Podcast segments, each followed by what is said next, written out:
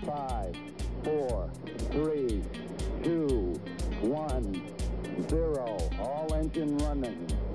Have Välkommen till Holistikpodden med Anna och Nicky. Podcasten som handlar om delarna som utgör helheten. Hej Tjena! allihopa Hej. som lyssnar. och du också. Ja, Ja. Hur är läget? det är bra. Ja. Var det tömmande? Ja, verkligen. Det känns så töntigt när jag frågar. Många gånger frågar folk så här, hur är det med dig? Och det säger alltid, ah, fantastiskt brukar jag säga. För att eh, vem vill höra att det är eländigt med mig om de söker mig som naprapat eller vad det nu är? Ja, just det. Men det på vem som frågar. Ja, kanske. Alltså, det kanske inte är på sin plats att du Mm. häver ut dina bekymmer på kunder. Nej. Men däremot så kan det vara schysst att få ett ärligt svar om man är en vän eller någon sån. Mm. Eller vad tycker du? Jo, det är faktiskt jättesant. Det var lite skämt åsido, men jag brukar säga så här, nej det är fantastiskt. Och så här, nej men det, det var lite mycket emellanåt. Men... Eh, Ja, men annars då? På, hur är det på riktigt? Nej, hur är det i själva verket? I själva Nej. verket så är det så att jag, jag går omkring och funderar ganska mycket just nu faktiskt. Lite grann över livet och lite allmänt och så. Och, Gör du? ja, alltså och försöker få fatt på någonting tror jag. Alltså jag är lite så sökande emellanåt. Men så vet jag inte riktigt vad det är jag söker och vad det är jag vill liksom få fatt på. Känner inte du igen det här? Jo, absolut. Det är ju ständigt pågående. eh, Ja. Lite upp och ner förstås, Ja. men ändå. Ja, och jag tror det hänger ihop med det här med att sommaren är över och så är det lite höst och sånt. Men sen är det också så här att för ja, nästan exakt ett år sedan så låg jag på sjukhus igen. För, för lite drygt ett år sedan så opererade jag in nya höftleder. Mm. Alltså, jag har ju metallhöftleder med ytersättningsmetoden som det heter. Mm, Och eh, så gick allting bra men sen eh, när jag hade kommit hem så efter en vecka ungefär så åkte jag på en djup sårinfektion i ena höften. ja. Vilket gjorde... Först gick det bra, sen gick det dåligt. Ja. Sen gick det jätte, jättedåligt. Ja, det gick fruktansvärt dåligt. Jag höll på att stryka med faktiskt. Inte eh, Eh, gått ut så mycket med det för att eh, ja, jag mådde inte så bra helt enkelt under tiden som jag var sjuk.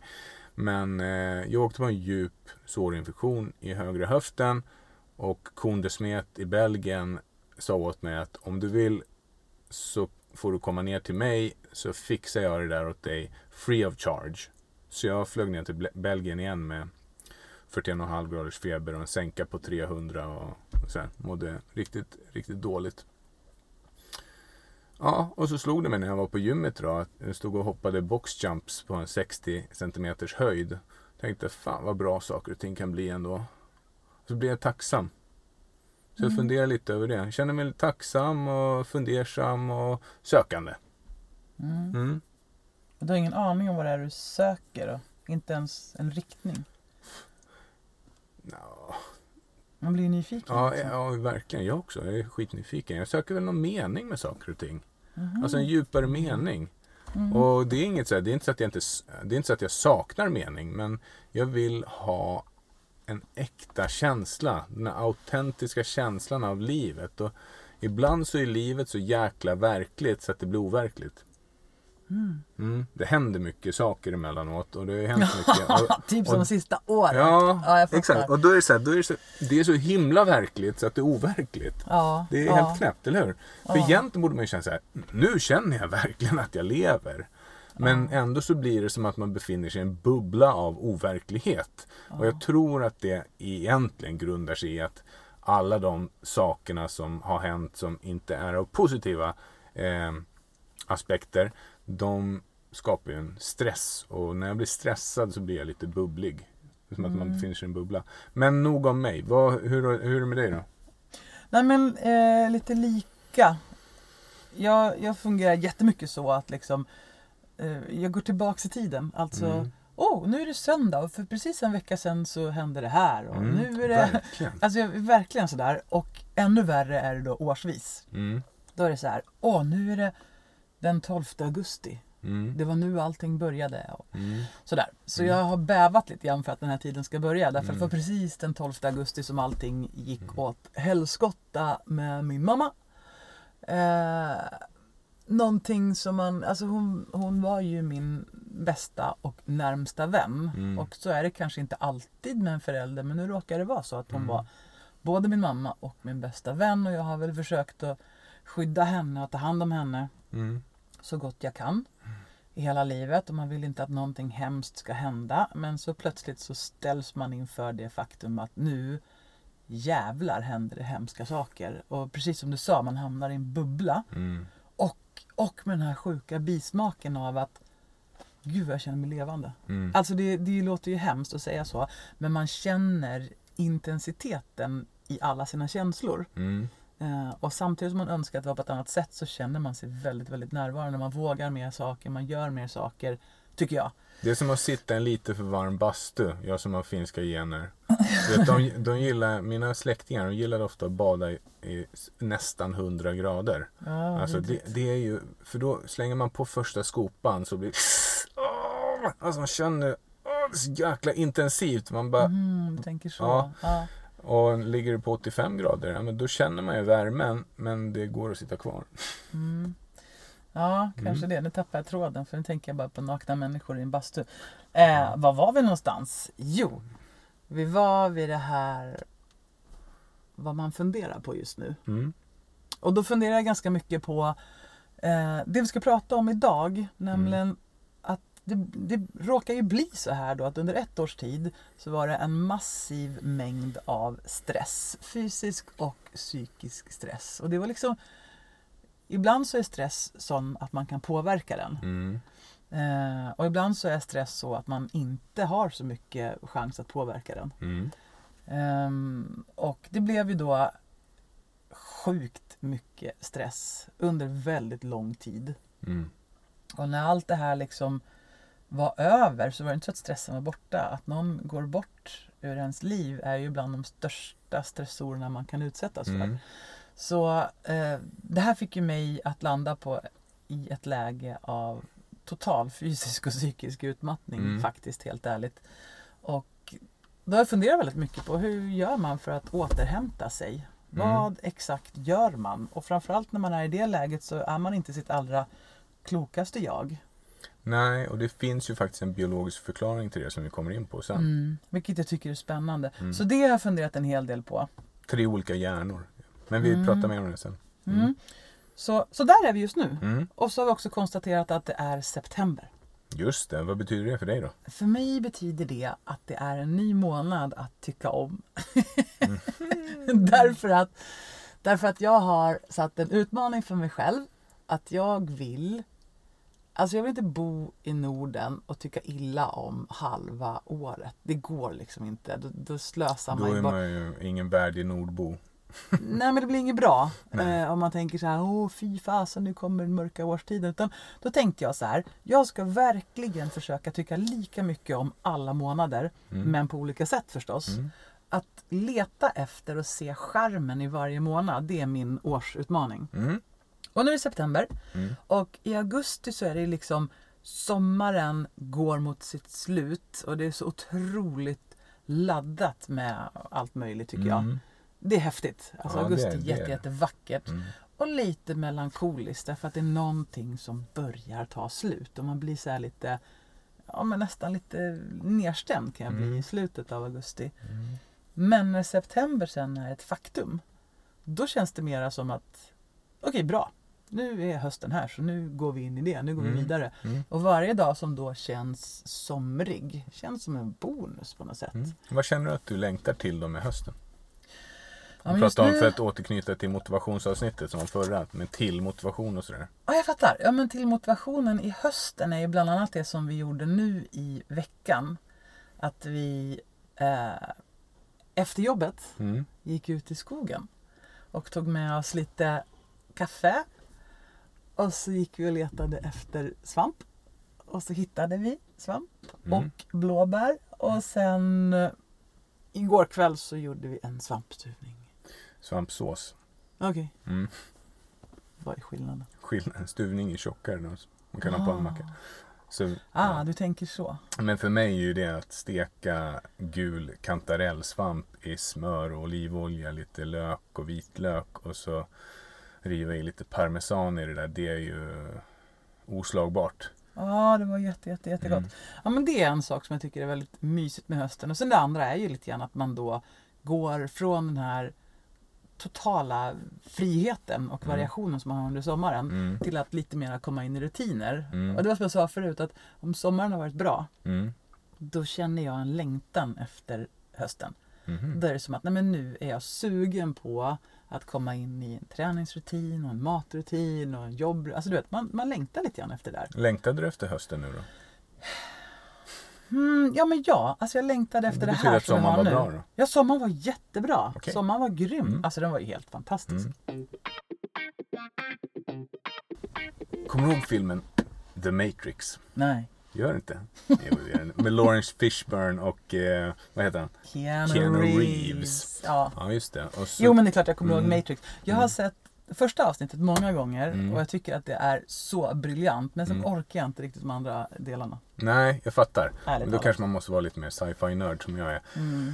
Anyways, så vid ett tillfälle när han liksom har eh, genomskådat saker och ting, eller tror sig ha gjort det, så blir han eh, liksom guidad till ett mystiskt rum Mm. där eh, Morpheus, som spelas av Lawrence Fishburne, eh, står och erbjuder Neo, som han kommer att heta då, Mm. två stycken piller. Mm. You want the red pill Och the blue pill? Mm. Säger han ju där. Mm. Att han får välja vilket piller han vill ha. Det ena pillret kommer ge honom en uppfattning av att ingenting har hänt. Och den Mm. andra är att han kommer få genom, alltså särskåda livet. Liksom, vad är det han egentligen handlar om? Mm. Och Den då är kom- så snygg den ja, där. Och det har, kanske inte har någonting egentligen med ämnet att göra idag. Förutom att de val vi gör är viktiga för resten av livet. Mm. Och att ämnet för idag är ju egentligen att vi kan välja att se på saker och ting i form av olika aktiviteter med olika färger. Yes. Mm. Vi ska prata en hel del faktaspäckat faktiskt idag. Mm. Om kroppens olika... Vi ska göra det lite enkelt. Vi ska, vi ska förenkla. Mm. Eh, Så vi ska prata om röda, gröna och blå aktiviteter. Mm. Och vilken effekt de har på oss. Vad det är som kastar oss in i röda, gröna, blå Mm. aktiviteter. Och eh, ja, helt enkelt hur det blir. Och hur det hänger ihop med helheten eftersom det är Holistic-podden. Ja, Eller hur? Ja, exakt. Mm. Det här hänger ihop med precis allt. Det blir, ja, men det blir ett väldigt, väldigt bra avsnitt som kommer att ge, som sagt vara, väldigt mycket fakta och kunskap och förståelse för kroppens neurobiologi. Mm. Men vi ska göra det lättbegripligt också. Just det, svårt ord, lättbegripligt. Ja, Mm. exakt. Och varför vi gör det här, det är ju för att vi vill ge alla människor en bättre chans att lyckas med den här balansen i livet. Mm. Som ju i sin tur leder till att vi får uppleva mer välmående, Mm. får mer energi. Vi Mm. kanske täpper till de där energiläckagen som man ibland går omkring och har. Det låter lockande. Stora eller små. Ja, Eller hur? Visst ja, gör det? verkligen. Mm. Och det här är ju intressant både för privatpersoner och även människor som har ett arbete och ingår Mm. i ett team Mm. där man liksom också vill att teamet ska vara bra. Mm. Så det kommer vi göra. Mm.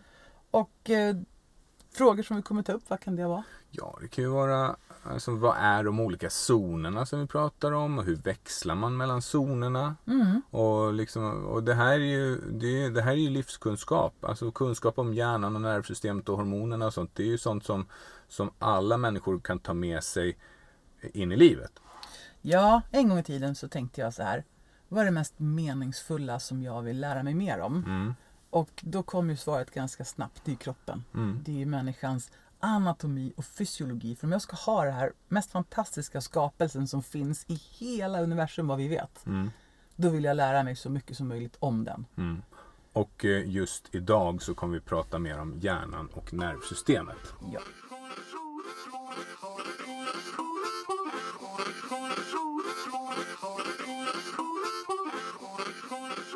Visste du att hjärnan är kroppens fetaste organ?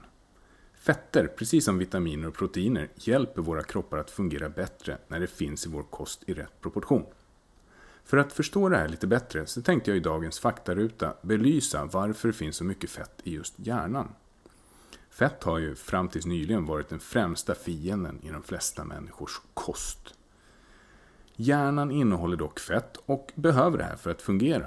Faktum är att fett är den vanligaste substansen i hjärnan och tillsammans med vatten utgör det cirka 60% av hjärnans vikt. Det här gör den till det fetaste organet i hela kroppen. Hjärnan samlar mycket av det fett som vi äter och i motsats till vad vi kan ha förväntat oss gör den inte det för att få energi. Och om och när vi konsumerar färre kalorier, det vill säga bantar, minskar inte fettnivån i hjärnan. Dessutom skulle en minskning av hjärnans fett bara påverka dess vitala funktioner.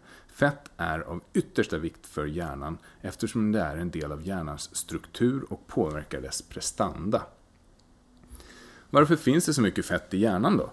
Först måste vi klargöra att fettet som finns i hjärnan inte är detsamma som fettet i fettvävnaderna, det vill säga fläsket eller kroppsfett, det fläsk vi har på kroppen.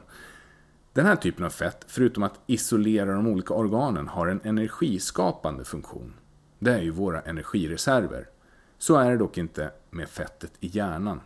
Hjärnan behöver fett eftersom det är en god isolator för elektricitet. Neuronerna, eller hjärncellerna, och de olika regionerna i hjärnan kommunicerar med varandra med hjälp av elektriska impulser. Utan det fett som täcker neuronernas axoner eller utskott, det vill säga fettet som kallas för myelin, skulle impulserna som överför information spridas och därmed inte nå sin destination. På det här sättet isoleras den elektriska impulsen och möjliggör större ledningsförmåga. Det innebär att de elektriska impulserna kan överföras mycket snabbare och mycket mer effektivt. Utöver detta är fett nyckeln till hur hjärnan utför sina uppgifter samt hjälper till att förnya och återställa skadade nervceller. Med andra ord så skulle bristen på fett orsaka en försämring av det fysiska och funktionella hjärnan.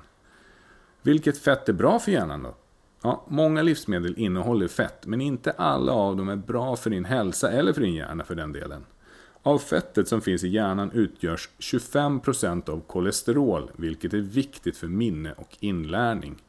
I själva verket är hjärncellerna själva ansvariga för att framställa kolesterol. Hjärnans favoritfetter är fleromättade fettsyror, även känt som omegafetter. De här, och särskilt omega-3, så kallad fiskolja, är fettsyror som är nödvändiga för hjärnans funktion och behöver fyllas på då och då.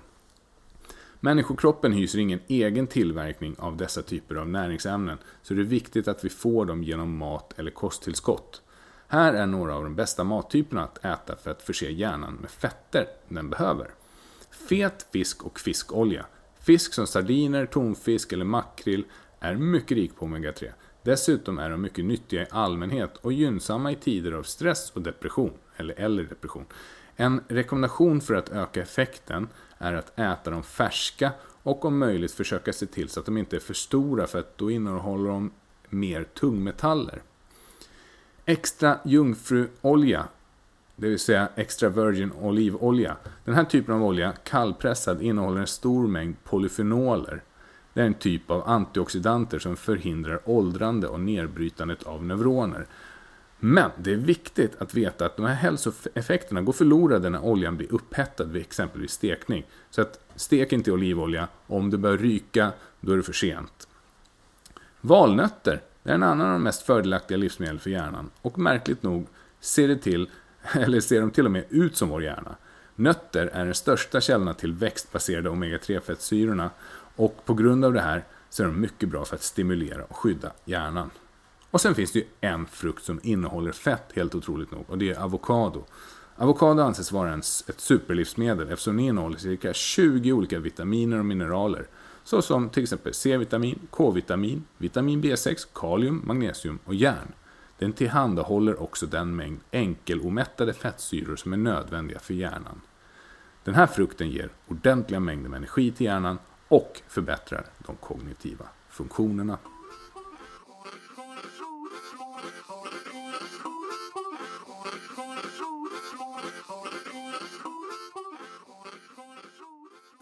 Ja, men ja, så vart börjar vi någonstans då med det här?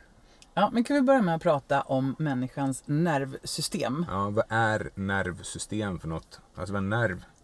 Ja, okej, okay, wow. Eh, vi börjar från början. Ja, men lite basics, lite kort. Ja, jag tänker så här, visst läste man det här i skolan? Men, gång, man kan inte anta det, nej. Nej, all right. Men då kan man säga så här att i kroppen så har vi ju en hjärna. Ja. Mm. Och det är ju den här blobben innanför skallbenet. Mm. Mm. Och förutom hjärnan så har vi då en märg, en ryggmärg som går ner inuti ryggraden. Den hänger ju fortfarande ihop med hjärnan. Ja, den gör ju det. Och eh, då kallar man det här för det centrala nervsystemet därför att det sitter liksom inuti skallbenet och inuti ryggraden. Mm. Och sen övergår det här nervsystemet då i nervtrådar. Mm. Och då kallar man det för det perifera nervsystemet. Det betyder det som inte är centralt och i mitten utan mer längre ut i kroppen. Allt som är utanför ryggraden. Yes. Mm. Och där har vi då alla nerver som kommunicerar både ut i Mm. kroppen, alltså till muskler och sådär. Mm. Och även kommunicerar in till hjärnan. Alltså det här är ju så sjukt spännande måste jag säga. Att det pågår de här kommunikationstrådarna hela, hela, hela tiden. Alltså hela tiden så tar ju vi emot en mängd intryck. Bland annat från våra nerver då, våra sinnesintryck. Även när vi sover. Mm. Ja. Som berättar för oss hela tiden hur varmt det är, om det blåser, om det låter någonting, om det smakar någonting, om det känns Mm. någonstans. Alltså det är en mängd information som går in, Mm. bland annat via våra nerver. Mm. Och de här måste ju då filtreras, vi klarar inte av att hela tiden bli överösta av det här. Nej. Så i, ja, långt upp, lite mellan ryggmärgen och hjärnan så sker det en filtrering. Okej. Där man sorterar bort att det här är inte viktig information utan det som ska nå vårt medvetande det är några grejer. Ja. Det Ja. kallas för retikulära aktiveringssystemet. Mm. Det området. Så det verkar ju vettigt. Och beroende på vad vi får för intryck så kommer vi också då kommunicera ut till exempel att eh, aj, det bränns under foten, dra bort benet Mm. och då händer det. Mm. Så att det här är ju så jädra coolt och allt det här bara händer. Och jag gillar den här tanken när man, man, man kan ligga ner eller stå upp och så tittar man ner mot sin vänstra stortå. Ja, Och sen så tänker man så här. Rör på dig. Och så rör den sig. och så händer det. Och så händer det. Fast det är typ en och, eller över en och en halv meter bort. Alltså så det går ju... Alltså, så, men det är ju min hjärna som Det gör är så det. oerhört kul. Och så behöver man inte byta några batterier. Nej. Man behöver inte sätta in någon sladd utan det här funkar ändå. Man måste komma ihåg att äta och dricka liksom, annars så går det till slut Med inte. en lå, låg elektrisk spänning faktiskt. Vi har ju, jag tror att det är 0,13 milliampere som nervsystemet funktionerar på. Sjukt kul. Ja. Eh, men det jag ville komma till det är att då har vi då det centrala nervsystemet Ja. och så har vi då det perifera nervsystemet som både då går kommunicerar inåt och utåt. mm. Och det vi ska prata om lite mera det är för att det somatiska nervsystemet Mm. det är det som vi säger är viljestyrt. Det som du precis pratade om. Mm. Rör på foten. Ja, då kunde med viljan bestämma att nu rör sig foten. Mm. Sådär. Det är ballt och den är så långt bort och ändå funkar det. Mm. Men det autonoma nervsystemet, det antyder ju lite grann namnet då. Som en autopilot. Alltså det kör själv. Mhm. Mm. Det är inte under våran vilja. Nej. Nej. Utan det funkar ändå. Mm. Och det här kanske några då minns att ja, just det, det här, det här kommer jag ihåg. Medan Mm. andra kanske känner att det här har jag nästan glömt bort. Mm. Jag kan känna så ibland. Man Ja. nästan glömmer bort att tänka på det här. Ja, men man blir ju lite så här, man tar saker och ting för givet. Mm. Men jag minns också att under vår, dels så läste vi människans fysiologi på Naprapathögskolan Mm. med Carl-Johan Sundberg som Mm. ju har skrivit Hälsa på recept och sådär. Mm. Och, men sen läste vi också neurologi som ett enskilt ämne. Det var Mm. flera veckor lång kurs och den var ju riktigt mastig. Mm. Och det är så sjukt fascinerande. Ja, det är det verkligen. Det är så otroligt häftigt att det bara funkar. Mm. Det är mycket som är fascinerande. Mm, så vad har du mer att berätta om det autonoma nervsystemet då? Jo. Det här är någonting som då sker automatiskt. Mm. Ehm, och vi har, egentligen kan man säga så här. Vårt autonoma nervsystem, det som liksom sker bortanför våran vilja, det sköter sig själv. Mm. Det har två delar, Mm. eller nu för tiden så pratar man om tre delar. Mhm. Och det är att vi har det sympatiska nervsystemet. Det låter snällt. Och det skulle vi kunna kalla för fight and flight systemet. Mhm. Och då fattar man redan nu att det är den aktivare delen av vårt nervsystem. Det slår på när vi ska göra någonting, när vi är aktiva. Ju mer stress vi liksom upplever, desto mer påslag får vi. Hjälper oss att överleva lite i akuta situationer känns Ja, det gör det också. Men om vi är ute och tränar så är vi definitivt inne i det sympatiska nervsystemet. När vi är på arbetsplatsen och har svåra saker som vi behöver klara av så kan vi också vara Mm. i det sympatiska nervsystemet. Mm. Så att, eh, ja, sympatiska nervsystemet är det som höjer våran puls, eh, som vidgar luftrören, Mm. som eh, till exempel vidgar pupillen i ögat så att vi ska kunna ta in bättre synintryck. Och vi, ser, vi blir mer attraktiva sägs det när vi har vidgade pupiller också. När vi är aktiva och nyfikna och intresserade av en annan människa så, uh, så vidgar sig pupillerna. Mm, Mm. Precis. Så att fight and flight systemet är aktiva delen av vårt nervsystem. Mm. Sen har vi ett nästan motsatt system. Så om man säger att sympatiska nervsystemet är gasen, Mm. då är det parasympatiska systemet lite mer utav en broms. Mhm. Och man Mm. kallar det för vårt rest and digest system. Parasympaticus. Ja. Parasympaticus, precis. Och till skillnad från sympaticus så är det då så att parasympaticus-systemet, ja där sjunker pulsen och, och värmen i kroppen går ner och lungorna andas lite mindre häftigt. Mm, Ja men du mm. förstår, Det alla lugnar ner helt enkelt. Jajamän, eh, pupillen i ögat drar ihop sig lite grann. Ja. Mm. Så att då fattar man ganska på en gång att de här två systemen de behöver en inbördes balans. Just det. Vi kan alltså inte bara vara i på systemet fight and flight. Nej. Eh, för om man till exempel då säger att matsmältningen Mm. Den främjas väldigt mycket i det parasympatiska systemet. Just det. Mm. Och det här vet ju vi till exempel när man jobbar med massage. Ja, Mm. det är häftigt. Jag Det vet vad du ska berätta om nu. Ja. Då kan det komma in en person som är kanske lite stressad och uppjagad, kanske Mm. har skyndat sig för att komma till sin massagetid. Mm. Och man ser ju att pupillerna är lite stora och det, är, det svettas och har sig. eh, alltså sympaticus påslag. Mm.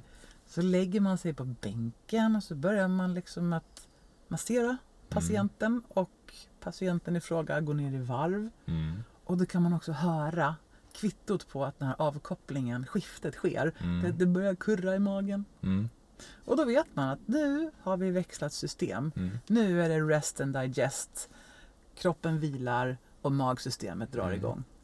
Så till exempel om man bara är väldigt mycket i det här stresssystemet då får ju mag-tarmkanalen aldrig riktigt lugn och ro att jobba. Nej. Och därför är det också väldigt, väldigt vanligt med magproblem när man har haft långvarig stress. Mm. Så en balans mellan de här två är nödvändig Mm. för att vi ska fungera som människor och återhämta oss. Mm. Det kan man ju fatta. Visst är det intressant? Superintressant. Så det som du har pratat om precis just nu, det autonoma nervsystemet och parasympaticus och sympaticus, de kan ju inte liksom fungera bara som sladdriga trådar. Utan det som sker i nervsystemet, det är ju det som jag tycker är det intressanta i det här. Det vill säga, i nervsystemet så utsöndras eller insöndras det en massa olika substanser. Som man kallar för signalsubstanser. Mm. Så, så, så som nervsystemet fungerar och kommunicerar är Ja. alltså med de här substanserna. Ja, men precis. Det skickas ut små bubblor med de här ämnena i, i det som man kallas för synapser. Förlåt, Och- men det här är så roligt. Ja, För det här känns ju som att om vi inte visste att det var så här så skulle man tro att någon sitter och hittar på värsta science fiction-grejen. ja det är det. Alltså det finns en fettblob innanför skallbenet och där finns det små bubblor med små vätskor i. Men det är ju precis sant. Ja. Ja, Och i de här vesiklarna, eller de här bubblorna då, som innehåller de här olika signalsubstanserna, så finns det fyra stycken som vi ska prata om just idag. de kraftfulla, de som verkligen, Mm. skulle man kunna säga att de styr våra liv? Ja, det kan man ju säga till väldigt stor del. Och vi kan dessutom styra utsöndringen av dem. Så vi kan genom vårt beteende, våra tankar, våra känslor kan vi bestämma vilka signalsubstanser vi vill ha. Även med vår kost kan vi bestämma vilka substanser vi vill ska utsöndras. Ja, men det är nästan toppkunskapen i det här avsnittet som vi Ja. kommer till till sist. Absolut. Att till och med det autonoma, Mm. icke viljestyrda nervsystemet går ju att styra. Ja, så är det. Ja. Så de fyra olika signalsubstanserna som vi ska prata om idag, det är dopamin, endorfin, serotonin och oxytocin. Mm, mycket nin och Mm, in. verkligen. Och dopamin, det liknar amfetamin till strukturen och till funktionen ganska mycket också. Dopamin ger oss en känsla av drive, det ger oss lyckokänslor, det ger oss en känsla av hopp. Och när vi får en dopaminfrisättning i vår hjärna, då är det en kraftfull signal om njutning. Det, det är liksom, Det låter som kroppseget knark. ja men det är det. Och då är det så här, till exempel, så om du eh, men det är inte alltid så att det blir superbra. För att det kan Nej. vara så att du shoppar Mm. och så får du en dopaminrush. Du får en lyckokänsla av att du går och shoppar där och du mår så himla bra. Och så äter du en, på Starbucks en bulle och en caffè latte med vaniljsmak.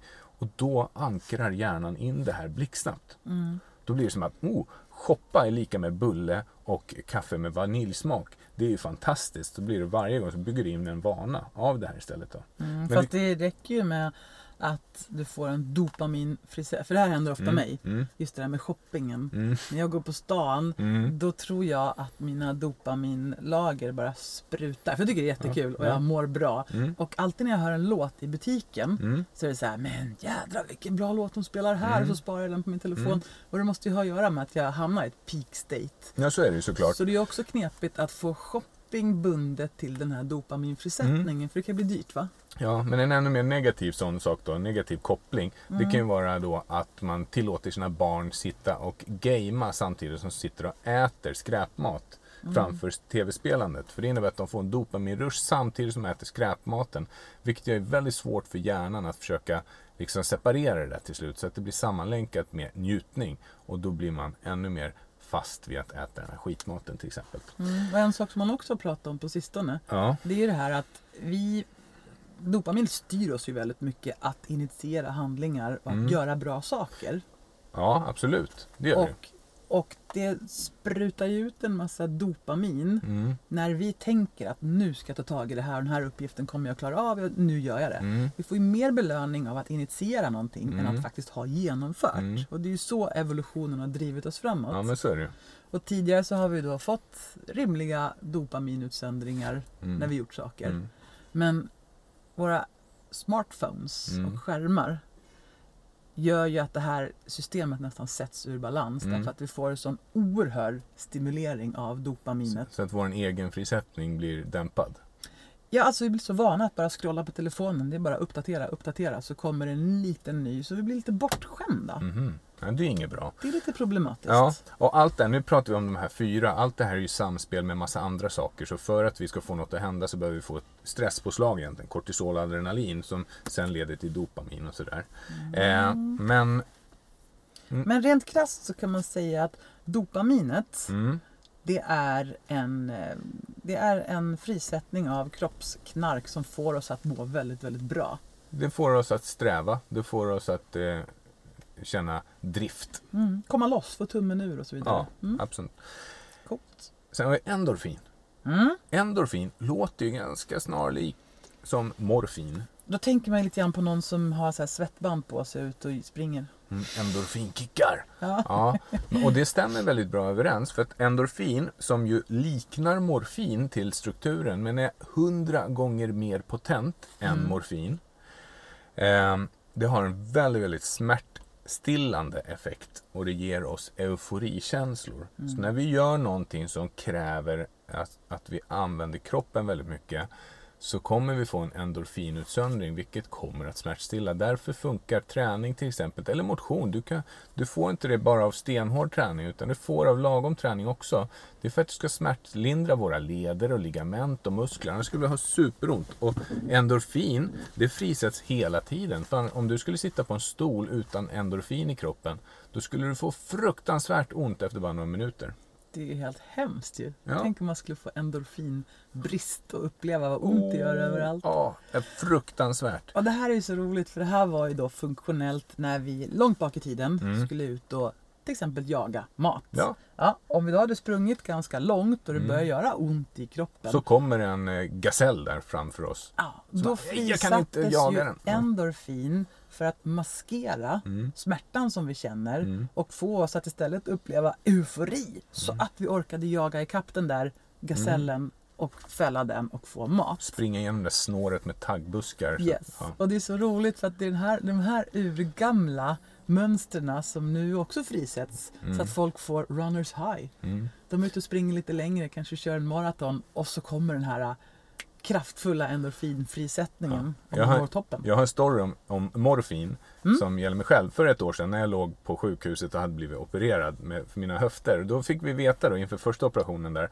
att eh, ovanför er när ni vaknar kommer ni se att det finns som en liten penna som lyser grönt eller rött. Om den lyser eh, grönt, det innebär att då kan du trycka på den och du kommer få en morfinshot.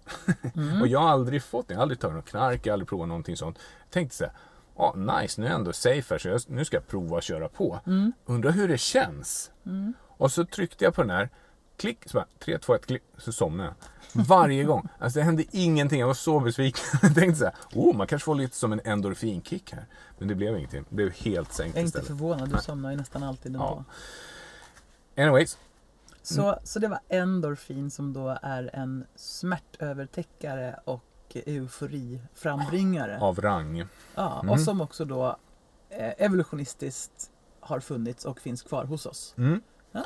Sen har vi då serotonin. Mm. Och serotonin, det kanske för många är förknippat med antidepressiva läkemedel som ju då heter då serotonin återupptagshämmare. Mm. Och eh, serotonin har man då ansett tidigare ha haft en viktig roll när det kommer till depressioner och sånt. Men man har sett att det är mycket mer komplext än så. Det är inte bara serotonin utan det är dopamin och det är endorfiner och det är oxytocin. Det är allt möjligt. Den här kemiska cocktailen som skapar det som vi kallar för lycka och välmående. Det är inte beroende av ett enda ämne.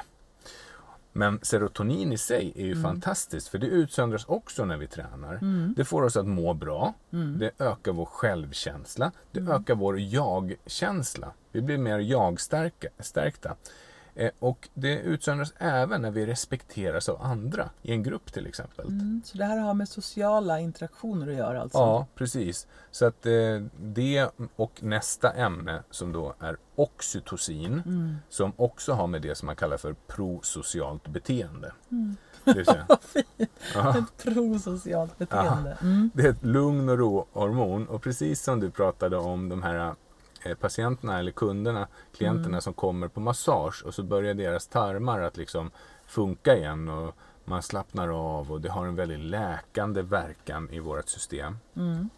så är det så att oxytocin ger oss lugn och ro. Mm. Det frisätts av samhörighet, att, Mm. att liksom känsla av sammanhang när vi är med andra människor, Mm. när vi relaterar till andra människor. Eh, tillit, när vi har sex, Mm. när, när vi får orgasm så utsöndras det enormt mycket och det utsöndrar oxytocin som ökar våran tillit momentant supermycket. Mm. Så när under orgasmens skede då litar man jättemycket på varandra. och sen, sen tar det slut. Ja, kort stund. Ja. Ja. faktiskt. Så Just ska, nu så litar jag på dig! ja, lovar du? Ja! ja! Alltså tror man på det. Ja. Vänskap, ammande. Mm. Alltså empati frisätter det här också. Att få känna empatiska känslor. Man brukar ta upp det som ett klassiskt exempel Mm. att en mamma som ammar sitt barn har ju en enorm frisättning av oxytocin. Mm. Och, då, och då sker det både hos mamman och hos barnet. Och Mm. det är därför man också bondar så väldigt mycket till varandra. Mm. Mamman och barnet när man eh, ammar. Eller matflaskar. Mm. Flaskmatar menar Ja. jag. Mm. Så det var lite grann om de fyra stora signalsubstanserna som vi kommer att prata om idag. Så nu ska vi börja prata om färgerna. För det här tycker jag är så himla spännande. Pillerna. Ja, pillerna om man vill. Det kan man ju säga. Ja. Om vi pratar om den röda färgen, eller det röda pillret då. Då, Mm. mm. då pratar vi om att vi är i våran stress, hot och aktiveringscirkel. Men är det flera färger alltså? Det finns flera färger, Okej. absolut. Nu Mm. börjar vi prata om rött som är stress. Okej. Det känns ju liksom Ja, vettigt va, att det är rött. Ja, varmt, Ja. hett. Ja. Ja, och då kan man säga så här att det här är ju urgamla system som vi har. Om man förenklar det här lite grann genom att prata då om just röda, blåa, gröna och ibland svarta Mhm. system. Och det här är ju superspännande för det hänger ju också ihop med de här olika områdena i hjärnan som vi ska prata om sen. Det är intressant. Jag får ju direkt en känsla av att röd är stressigt och hektiskt. Mm. Grönt är lugnt. Blått är lite så här eh, mera fart på. Och svart det är ju jättejobbigt direkt i de här Ja, färgerna. men du ser, du, du är ju betingad redan. Det, Mm. det kommer att stämma som du märker. Mhm. Mm. Så vårt röda system, stress, hot och aktiveringssystemet. Mm. Det är någonting som mobiliserar oss för rörelse. Alltså det initierar, det sätter fart på oss. Mm. Och det, det verkar ju vettigt liksom att om någonting uppfattas som hotfullt. Mm. Den signalen vi får då det är Gör något! Mm. Gör något åt den här saken. Men det måste inte bara alltså vara negativt? Nej! Och det är det här som är okej. så intressant. Därför att ibland när man hör ordet stress så tänker man att det bara är dåligt. Mm. Men stress är absolut inte bara dåligt. Stress är livsviktigt för oss. För Mm. stress är det som initierar oss, som sätter fart på saker Mm. och ting. Och helt ärligt, stress gör oss skärpta. Mm. Utan stresspåslag Mm. kommer det inga världsnoteringar, äh, världsrekord Nej. eller topprestationer. Mm. Utan det, är, det finns många saker som är bra. Mm. Eh, Så man brukar säga så här att den, den röda zonen, Mm. den ska absolut vara våran vän. Mm. Men den ska inte flytta in hos oss. Mm. Alltså den röda zonen är till för att starta igång oss. Ibland. Sen, ja, men absolut. Men Mm. regelbundet faktiskt. Okej. Varje dag faktiskt. Mm. Men vi ska inte stanna där. Vi ska inte vara där. Utan vi ska snabbt då röra oss vidare till den blåa zonen som är eh, prestation. Okej, är Ja. har det med drive att göra då som jag pratade om signalsubstanserna? Dopamin och grejer? Jajamän, Okej. precis så är det. Så att den första signalen kan ju vara liksom eh, lite jobbig och obehaglig. Mm. Men när man rör sig in i den blåa, Mm. då får vi de här dopaminfrisättningarna. Mhm. Så det är trevligt att vara i den blåa zonen. Mm. Jag ska bara berätta lite, lite mer om den röda. Mm. Eh, det handlar om fight, flight, freeze och även spela död. Det är, de, Okej. det är ju reptilhjärnans Mm. fyra alternativ Mm. när hot finns. Mm. Här kan man också uppleva irritation, rädsla, ångest, skam, självkritik, oro. Man kan också vara avstängd från inlärning och det är en frisättning av kortisol. Det vi vet då är att stress är våran vän. Men vi ska inte hänga så länge med stressen utan vi ska använda den som en startsignal. Mm. Eh, och då är det ju så här att det kan man göra. Men när man hänger lite längre i den röda eh, stressaktiviteten så att säga. Mm. Då blir det ju slitsamt för oss. Mhm. Det kostar ju på. Mm. Kortisol är ett nedbrytande hormon Mm. i kroppen. Så det är helt okej att man använder det för kortare perioder men under längre perioder så blir det ju en skadlig påverkan på kroppen. Kanske därför det heter kort isol. Så, Man kan tänka så i alla fall. ja, Mm. du har ju den där Göteborgshumorn. Mm. Mm. Sen är det också så här att man pratar ibland om svart stress. Mm. Därför att den röda stressen vill få oss att fight flight, alltså antingen ta upp fighten för att övervinna hotet Mm. eller flight, alltså fly för vårt liv. Mm. Det är ju två aktioner som man kan ta. Just det, men nu börjar jag haja lite grann faktiskt av sambandet här. Ja, Mm. vad kul. Mm. För om vi då rör oss till den svarta stressen, Mm.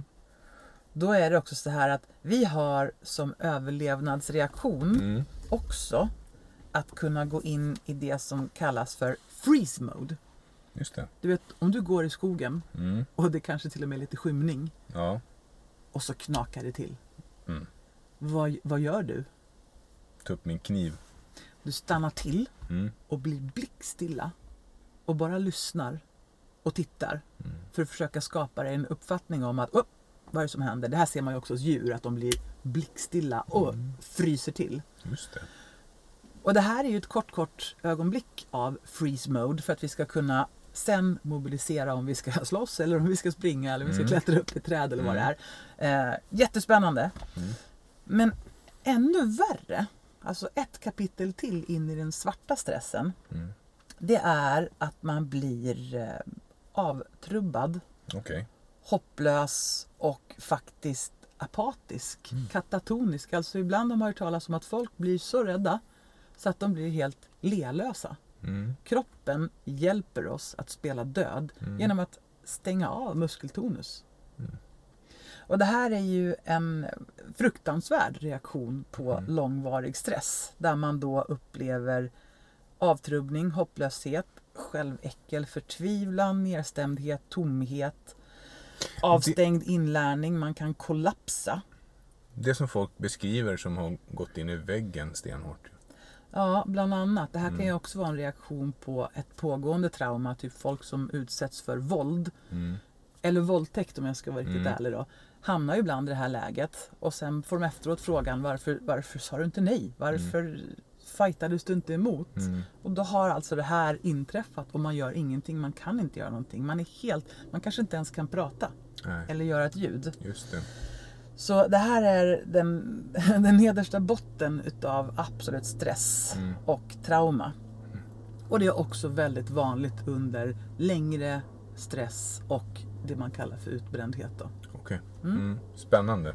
Yes. Och läskigt. Ja, och då fattar man ju att här vill man ju inte hänga. Nej. Utan eh, i den svarta stressen vill man inte vara alls. I den röda stressen vill man ha en startmotor. Mm. Men om vi då går över till den blåa. Mm. Då pratar vi om någonting annat. Då pratar vi om en trevlig plats att vara, nämligen den som är prestation. Och här brukar det vara ganska nice, därför att när man kommer in i den här zonen, ja då har man en dopaminfrisättning, alltså lite kroppsknark. Mm. Och det är så här som det evolutionistiskt också har fungerat, att när vi tog oss för saker och började sträva och kämpa och jaga, Mm. Då sa kroppen, jajamän, kom igen, fortsätt med det här, det här var bra grejer. Mm. Fällde vi ett djur så fick vi en dopaminrush vilket gjorde, oh det där var bra för överlevnaden. Mm. Ja, visst. Så att i team och på arbetsplatser så kan man se om människor tillsammans är i den här blåa zonen. Därför att då flyter arbetet på, det är ganska bra stämning. Men det jag- låter också uttömmande energimässigt Mm. tänker jag. Stämmer det eller? I den blåa zonen så pratar vi om jakt, fysisk aktivitet, intresse, nyfikenhet, Ja. driv, alert, vaken, belöningssökande, låg tolerans för uttråkning. Låter som Så du om det, ja, verkligen. Jag är ofta här. Eh, och dopaminpåslag. Mm. Jajamän. Eh, så problemet uppstår ju Mm. när man hela tiden pendlar mellan rött och blått och rött och blått. Mm. Alltså stress och hot Mm. och prestation och stress och hot och prestation. För att det vi också har, Mm. det är en grön zon. Mm. Och här pratar vi då om det här som vi sa tidigare, parasympaticus-systemet. Mm. Här kommer det in. Prosocialt beteende. Ja, precis. Lugn och ro, trygghet och kontakt. Ja. Och här har vi relationer, att Mm. bara vara eller leka Mm. eller ägna sig åt en hobby som man har sett på sistone är så otroligt läkande. Mm. Vila, värme, kontakt och vänlighet, beröring, intimitet, rekreation, mikrostunder Mm. kan räknas och det som frisätts är då oxytocin. Och vi har ett parasympaticus påslag. Just det. Så Mm. det mindfulness skulle till exempel ha sin funktion här. Verkligen. Mm. Men du, Eh, ja. får jag fråga dig en sak? Mm. Du kanske ska- berätta det, men på vilket sätt har vetskapen om det här hjälpt dig? Det här, det kan jag bjussa på. Mm. Därför att jag är en person som gärna befinner mig i det här blåa systemet. Mm. Jag gillar att göra saker och jag antar att jag är en dopaminknarkare då. Mm. Eh, och det sista året har ju helt ärligt fått mig att pendla uteslutande mellan röd, svart, blå, röd, svart, blå, röd, svart, Mm. blå. Och den här tryggheten och lugnet och den här känslan av att det blir bra. Mm. Den har ju faktiskt inte funnits på ett bra tag. Nej. Det har varit väldigt, väldigt risigt med det. Och då brukar man säga att då är det lite trasigt i Mhm. återhämtningssystemet. Och det här Mm. leder ju då till utmattning förstås. Mm. Ehm, så att man förstår ganska snart att det behövs en balans. Och då har man forskat ganska mycket på sistone och sett att stress är inte så farligt som vi tror om man bara får balansen och får besöka de här gröna områdena regelbundet. Mm. Och i någon sorts proportion som då motsvarar hur mycket man har varit i blå och röd. Kan du då säga så här, nu är det viktigt för mig att få lite gröna stunder. Ja, precis. Mm. Nu, nu är det viktigt för mig att få lite gröna stunder. Mm. Och då, Men kan- förlåt, Ja. då kan man ju säga så här, nu sitter vi och poddar, det Ja. är ju lite blått. Ja, det får man nog Det ändå blått. säga. Det känns som grönt, Ja. men blått. Ja. Okej. Och så, ja men det är ju ändå, ja. Mm. Och då är det viktigt att planera in att eh, efter det här så kanske man behöver lite grönt. Eller? Tänker jag fel? Nej, jag tror att du tänker helt rätt Mm. faktiskt. Och det jag har haft så svårt för, Det är när folk titt som tätt och i all välmening har sagt Men sätt dig i soffan en stund och bara vila. Mm. Och det där tror jag inte riktigt funkar för alla. Nej. Utan det blir nästan en röd aktivitet. Alltså det blir jätte, inte alls avkopplande Det blir stressigt för dig då, i det läget som det är. Det blir stressigt ibland. Mm. Ja. Eh, och då har jag fattat mer och mer på sistone att grön aktivitet, det behöver inte vara att sitta i soffan eller ligga i badkaret. Utan det kan lika gärna vara att ägna sig åt en hobby. Mm. Därför att då får man de här lugn och ro-känslorna. Mm. Och också att det har så väldigt mycket att göra med det här med relationer. Mm. Att ha trygga relationer att landa i, att få vara med andra människor är så viktigt för Mm. oss för att det här systemet ska slå på. Men typ städa garderoben också eller? Ja men för mig Ja. är det ju så att ordna i lådor och städa garderoben och pyssla i landet. Och det här har man vetat ganska länge att det här är läkande för människor som är utbrända, stressade, har ångest, har depression. Mm. Då har man sett att det här med att ha en hobby, det växer. Alltså det är så himla viktigt så att det nästan det seglar upp som en av de viktigaste sakerna som vi kan göra. Att ägna Mm. oss åt sånt som får vårt hjärta att sjunga. Så våran hjärna kan man lätt beskrivet dela upp i tre olika nivåer av hjärnor. Man kan ju skoja lite grann om det Mm. också. Man kan göra lite barnsligt. Ja, man kan göra lite barnsligt. Och då är det så här. Eh, längst ut i våran hjärna så har vi det som vi kallar för människohjärnan. Det är det som är våran neocortex, det vill säga den nya hjärnbarken. Det som är längst ut, det som har utvecklats allra senast. Det är där vi har vårt språk, vi har abstraktioner, tankar, fantasi och vårat medve- alltså vår medvetenhet, medvetenhet om oss själva. Och det är en rationellt tänkande hjärna där vi kan reflektera och tänka ut smarta nya saker. Sen har vi våran limbiska hjärna, det limbiska systemet, det som är lite längre in. Det kan vi kalla för aphjärnan, det är våran känslostyrda hjärna. Mm, där är jag ofta och gärna. Ja, så emotioner, känslor, minnen, vanor och beslut sitter inne i aphjärnan. Och längst in så har vi den där fantastiskt roliga eh, pajasen som kallas för reptilen. Den är inte så rolig alls. Men superviktig för vår överlevnad och den är längst in. Det är vår autopilot. Det är fight och flight systemet. Den sitter i vår hjärnstam och i det som man kallar för cerebellum. Den inre delen av hjärnan. Och hur kan man då använda sig av det här? Då? Jo, men om man tänker på hjärnan att det är som en telefon. Jag har en iPhone till exempel. Så har ju hjärnan ett energisparläge.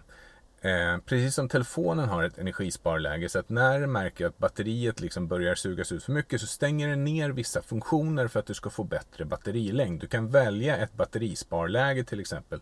Som gör att du tar bort till exempel aktiva platstjänster och sådana saker. Och det kan man ju göra manuellt på telefonen. Problemet är med hjärnan att det här kan inte du göra manuellt utan det sker per automatik. Så när du har utsatts för stress under en längre tid så kommer vrrt, människohjärnan först slockna. Ditt rationella tänkande försvinner till stor del och du blir mer känslostyrd. Det här är ju så himla orättvist för att precis när man skulle behöva vara supersmart och utzoomad och hjälpa sig själv så är man inte det. Det går inte att rationalisera, eller det går inte att tänka rationella tankar med sig själv. Nej. Och dessutom när du har en människa som då är i sin känslohjärna, i aphjärnan, då kan du inte prata som en människa till den här apan.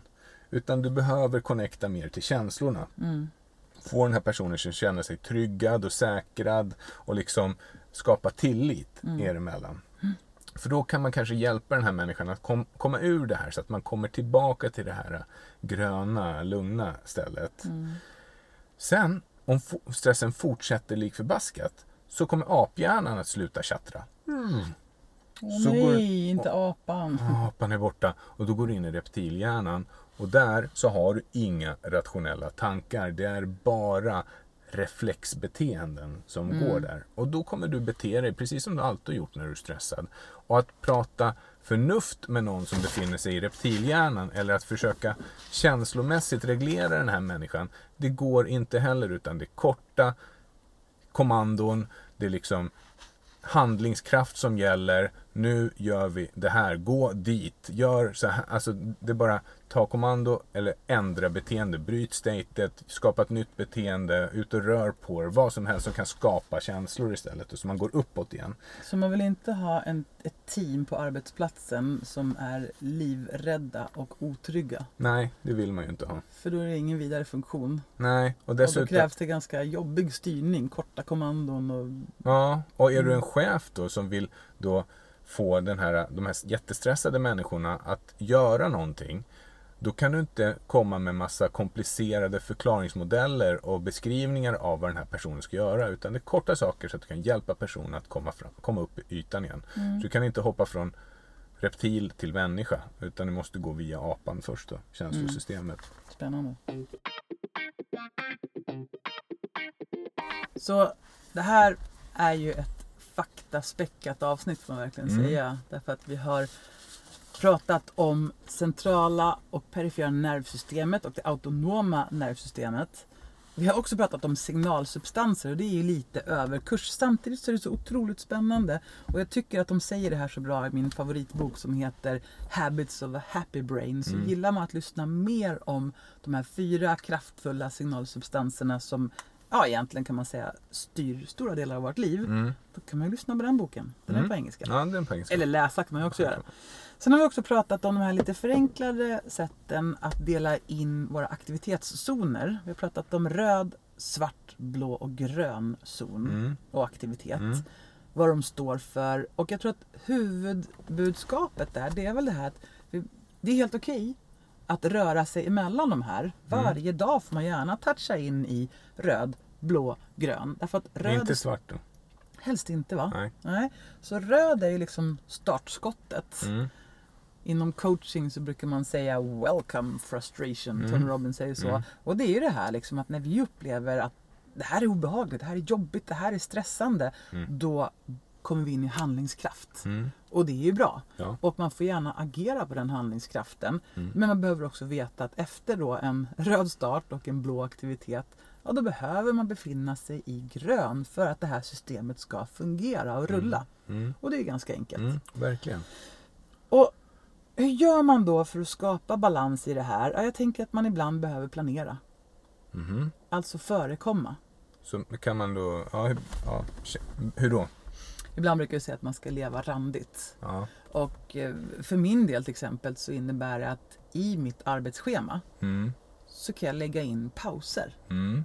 Pauser som är tillräckligt långa för att jag ska få hämta andan, gå ner i varv, jag kanske kan göra en kort meditation eller Mm. någonting liknande. Jag kanske hinner äta i lugn och ro och inte bara Mm. kasta i mig maten medan kroppen fortfarande är inne i fight-flight systemet. Mm. Så att, att hitta de här pauserna. Att också avsluta sin arbetsdag, det är ju någonting som är en utmaning nu för tiden i och med att vi ständigt har med oss våra skärmar och telefoner Mm. och datorer och grejer. Men att faktiskt sätta ett stopp för att nu är det färdigpresterat för idag. Ännu viktigare för er som jobbar hemifrån nu. För att det är Mm. någonting som vi har märkt på kliniken med klienter och, och patienter för den delen. Det är att de har svårt att släppa jobbet. Även om de är hemma så blir det så här, man kan småjobba lite. Mm. Barnen åker iväg på träning, då kan jag passa på att jobba lite klockan åtta på kvällen. Alltså Mm. det blir, man måste hitta någon form av begränsningar för sig själv där. Ja. Mm. Så att egentligen då att göra en bra plan där man inser var de blåa zonerna är, alltså prestationszonerna. Mm. Och sen att man också lägger in ehm, återhämtning Mm. och vila. Mm. Så att de gröna zonerna får plats. Så att Mm. man hittar balans. Eh, och vad det gäller det här med stress så behöver man inte heller vara livrädd för att stress finns.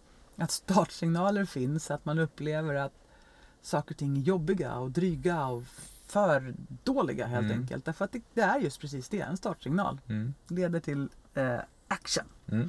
Så planera, Yes. nummer ett. Mm. Nummer två, testa och gör en röd, grön, blå dagbok i några dagar. Fem dagar kan ju vara bra. En röd, grön, blå dagbok. Ja, Mm. alltså att du på kvällen sätter dig ner en stund och så noterar du vilka partier idag var röda. När kände jag mig starkt stressad? Mm. Vilka partier hamnade jag i flow och jobbade och presterade eller tränade? Mm. Alltså blå aktiviteter. Mm.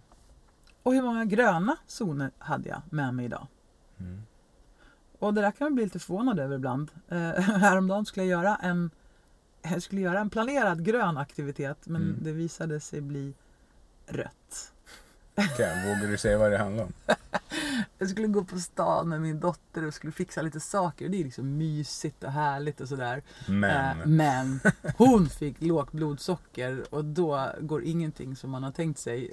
Och jag bara känner så här. Ah, vad jobbigt det här är. Jag måste gå och sätta mig och fika någonstans. Så kan det gå. Ja. Och sen efter ett tag då, Mm. utvärdera. Mhm. Alltså, om du planerar för gröna aktiviteter som en balans i din vardag och Mm. noterar att ja, men det här funkar, jag checkar av mina gröna zoner här. Mm. Då kan man efter ett tag utvärdera genom att fråga sig själv, ja, men hur mår jag? Hur känner jag? Mm. Vilka känslor dominerar mina dagar? Hur går det med att faktiskt få prestationen gjord och sen växla över i vila? Det tycker jag är jättebra. Mm. Det, det där tycker jag är det där är så himla bra för att det ger ju det som jag, jag älskar det här biofeedback. Mm. Alltså du får feedback av dig själv att okej det här vart bra. Sen får man, när man skriver ner det så ser man så där efteråt att man kan se mönster. Mm. Ja, jag gillar ju papper, så Mm. jag har ju en papperskalender. Mm. Och i den är det ju enkelt att bara notera liksom med en penna. Mm. Mm. Så ser man lite grann hur det går. Snyggt! Mm. Så nu tänkte jag bara kolla lite grann med dig. Du Mm. har ju suttit med här hela tiden och jag vill bara checka, vad är det vi har sagt egentligen? Jo, vi har sagt att vi har en hjärna och ett nervsystem och att den består av lite olika delar. Faktiskt tre olika delar om man vill eh, enkla till det lite grann. Och sen har vi massa ämnen som kallas för signalsubstanser i det här. Och de styr väldigt mycket av det som vi upplever, känner och gör. Det vill säga eh, våra aktivitetsnivåer och hur det påverkar vår stress och så vidare. Och sen så pratade vi om röd, svart, blå och grön zon när det kommer till vad det är som aktiverar vilka delar i vårt system och hur vi kan påverka dessa för ett bättre välmående. Mm. Coolt. Mm. Och helt ärligt så är det ju så här att när vi tänker en tanke Mm. påverkar det våra signalsubstanser även om det inte har hänt. Ja, hjärnan kan inte göra skillnad på om det är på riktigt eller på låtsas. Det är det som är så himla intressant. Den gör bilder. Ja, och det är ju så coaching funkar. Om vi ställer en, en kraftfull fråga så kommer din hjärna börja reflektera över den här frågan och utsöndra de ämnen som behöver göras för att du ska skapa den här effekten till exempel i dig själv. Du kanske ska ändra ett beteende.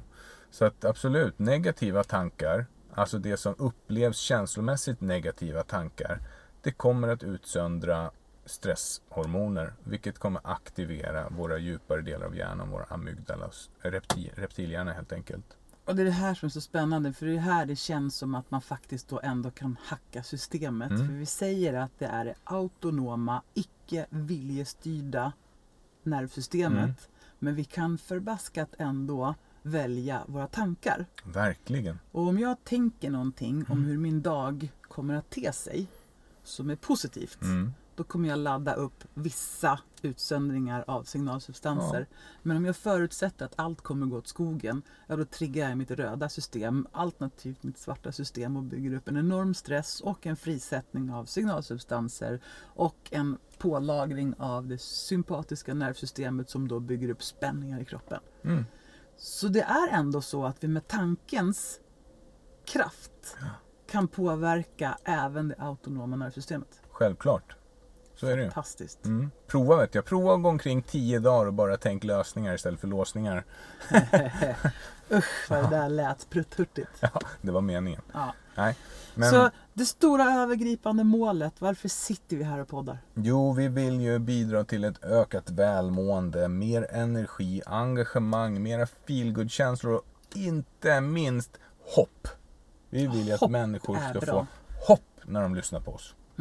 Och jag tänker att när man, för mig har det alltid funkat så här att fakta, det är Mm. så jädra motiverande. Mm. När det på något sätt blir svart på vitt att aha, det är så här det är. Mm. Då kan jag bottna i det och använda det med en annan kraft. Mm. Så på så sätt så har vi nu givit väldigt mycket kunskap, Mm. utbildning Mm. eller kanske bara repetition av det någon redan visste. Mm. Men oavsett så kan det vara väldigt motiverande Mm. att få såna här eh, pusselbitar till sig. Mm. Mm. Verkligen. Eh, vad kan man göra nu då? Vad är det första man ska göra efter ett sånt här poddavsnitt? Ja, då tycker jag framförallt man ska ta sig en liten funderare över så här, hur relaterar det här till mitt liv? Hmm, vad, vad innebär röd, grön och blå aktivitet för mig? Finns det svart svarta aktivitetszoner? Eh, Finns det svarta zoner i mitt liv och vad handlar de om? Och sen så gillar jag det här. Eh, om du nu vill skapa en förändring, gör det jobbigaste först. Om det nu är så att det är någonting som stressar dig oerhört mycket så att du har svårt att komma ur de här röd-svarta zonerna. Ta reda på vad det är och agera på det. Alltså gör någonting för att få det att brytas. Gör det som är jobbigast. Det kanske är det där jobbiga samtalet eller vad det nu än må vara. Det finns ju de som säger sök upp stressen och det ligger någonting väldigt bra i det. Mm. Därför att då söker man ju upp en startsignal och kommer in i handling. Mm. Så istället för att springa och gömma sig från stressen och vara i den här röda hotzonen Mm. så flyttar man ju sig själv in i blå zon. Så det är bra det där. Sant. Så hur kan man säkerställa att man får eh, några positiva resultat med sig av, den här, av det här avsnittet då? Ja men då var det det här sista som vi pratade om. Planera, notera och utvärdera. Mm. De tre sakerna. Planera för, ett, randigt, för ett randigt liv. Eh, notera, Planera in gröna... Just precis. Notera, det vill säga se till att du verkligen får det gjort då, och att de här gröna zonerna blev gröna och inte röda. Och sen utvärdera. Vad ger det här för effekt på hela ditt liv? Hur länge ska man hålla på med det här då? Ja, men jag tror att man kan märka skillnad. Det finns ju de som säger att du behöver 45 dagar för att skapa en bestående förändring Då säger på väl det då. nervcellsnivå. Ja men det är väl bra. Ja. Varför inte? Ja, 45 kör det i Nej, men det- 45 dagar och utvärdera sen hur du mår. Mm, det var en ganska saftig uppgift men absolut. Men vadå? Är den för saftig för att må bra? Nej, nej, verkligen Nej, inte. nej. Och också fundera lite grann på vad är gröna aktiviteter för mig? Mm. Vad kan det vara för någonting? Mm, Mm. verkligen. För det är mycket roligare nu när jag vet att det inte handlar om att man ska sitta på soffan och ta igen sig. För det kändes som att nej, men det är överväktigt för en sån som jag. Mm, Men om man får göra roliga saker och det då är gröna aktiviteter, Mm. då är jag med. mm, Ja. vad bra. Mm. Så, eh, ja, vad är det vi har sagt då? Ja, men Vi har pratat om neuroledarskap. Mm, vad innebär det för de som inte vet vad det är? Ja, det betyder ju helt enkelt att man tar reda på fakta om hur kroppen och hjärnan, framförallt hjärnan då, alltså vårt neurosystem fungerar. Och sen så förhåller man sig till det så att man får riktiga resultat. Därför att det funkar på riktigt. Mm. Mm. Jag, jag tycker att det här är inspirerande och motiverande. Du då? Ja, jag, jag märker att när man pratar om det så blir jag uppeldad. Jag Mm. tycker det, det här är ju den fascinationen som har lett till allt det som jag och du och jag och vi sysslar med. Det är den här fascinationen av kroppen och vårt system. Helheten, alltså det holistiska tänkandet. Det är ju magiskt. Mm, det är fint. Ja, men jag, jag känner mig peppad. Mm. Jag känner att jag vill göra det här. Du då? Ja, jag ska verkligen göra det. Jag har inte så jättesvårt att hitta gröna zoner. nej, nej, här tror jag. Men jag, behöver, jag måste in i blåa zoner lite oftare. Ja, ah, just det. Men du, hörru, Mm. hur ska du i så fall då få till det lite oftare? Det var jag nyfiken på. Jo, men det handlar om att träna sig själv i beslut och sen också linka positiva känslor till det som jag gör. Det vill säga, jag behöver ju få dopaminpåslag av att städa min garderob, precis som du får. Det får ju inte jag på samma sätt. Men däremot så kan jag ju tänka och notera att, ah, kolla vad fint det här blev och vad mysigt och härligt det här känns. Och då kan jag hjälpa mig själv att kanske linka lycko, bra, må bra-känslor till det. Tänker jag. Spännande. Mm. Ja, men vi säger så då så hörs vi snart igen. Ja, det gör vi. Ja. Hej då! Hej då! Och som vanligt så kan ni följa oss på sociala medier på Formholistic på Facebook och Instagram. Ni kan också följa oss på LinkedIn via Formholistic Leadership. Och ni kan mejla oss på contact formholistic.com och varför inte gå in på vår hemsida www.formholistic.com. Där kan ni hitta lite mer information om oss och boka oss och kontakta oss och ställa frågor. Ställ gärna frågor till oss för vi vill höra vad ni tycker och tänker. Då kanske vi kan svara på dem i podden också.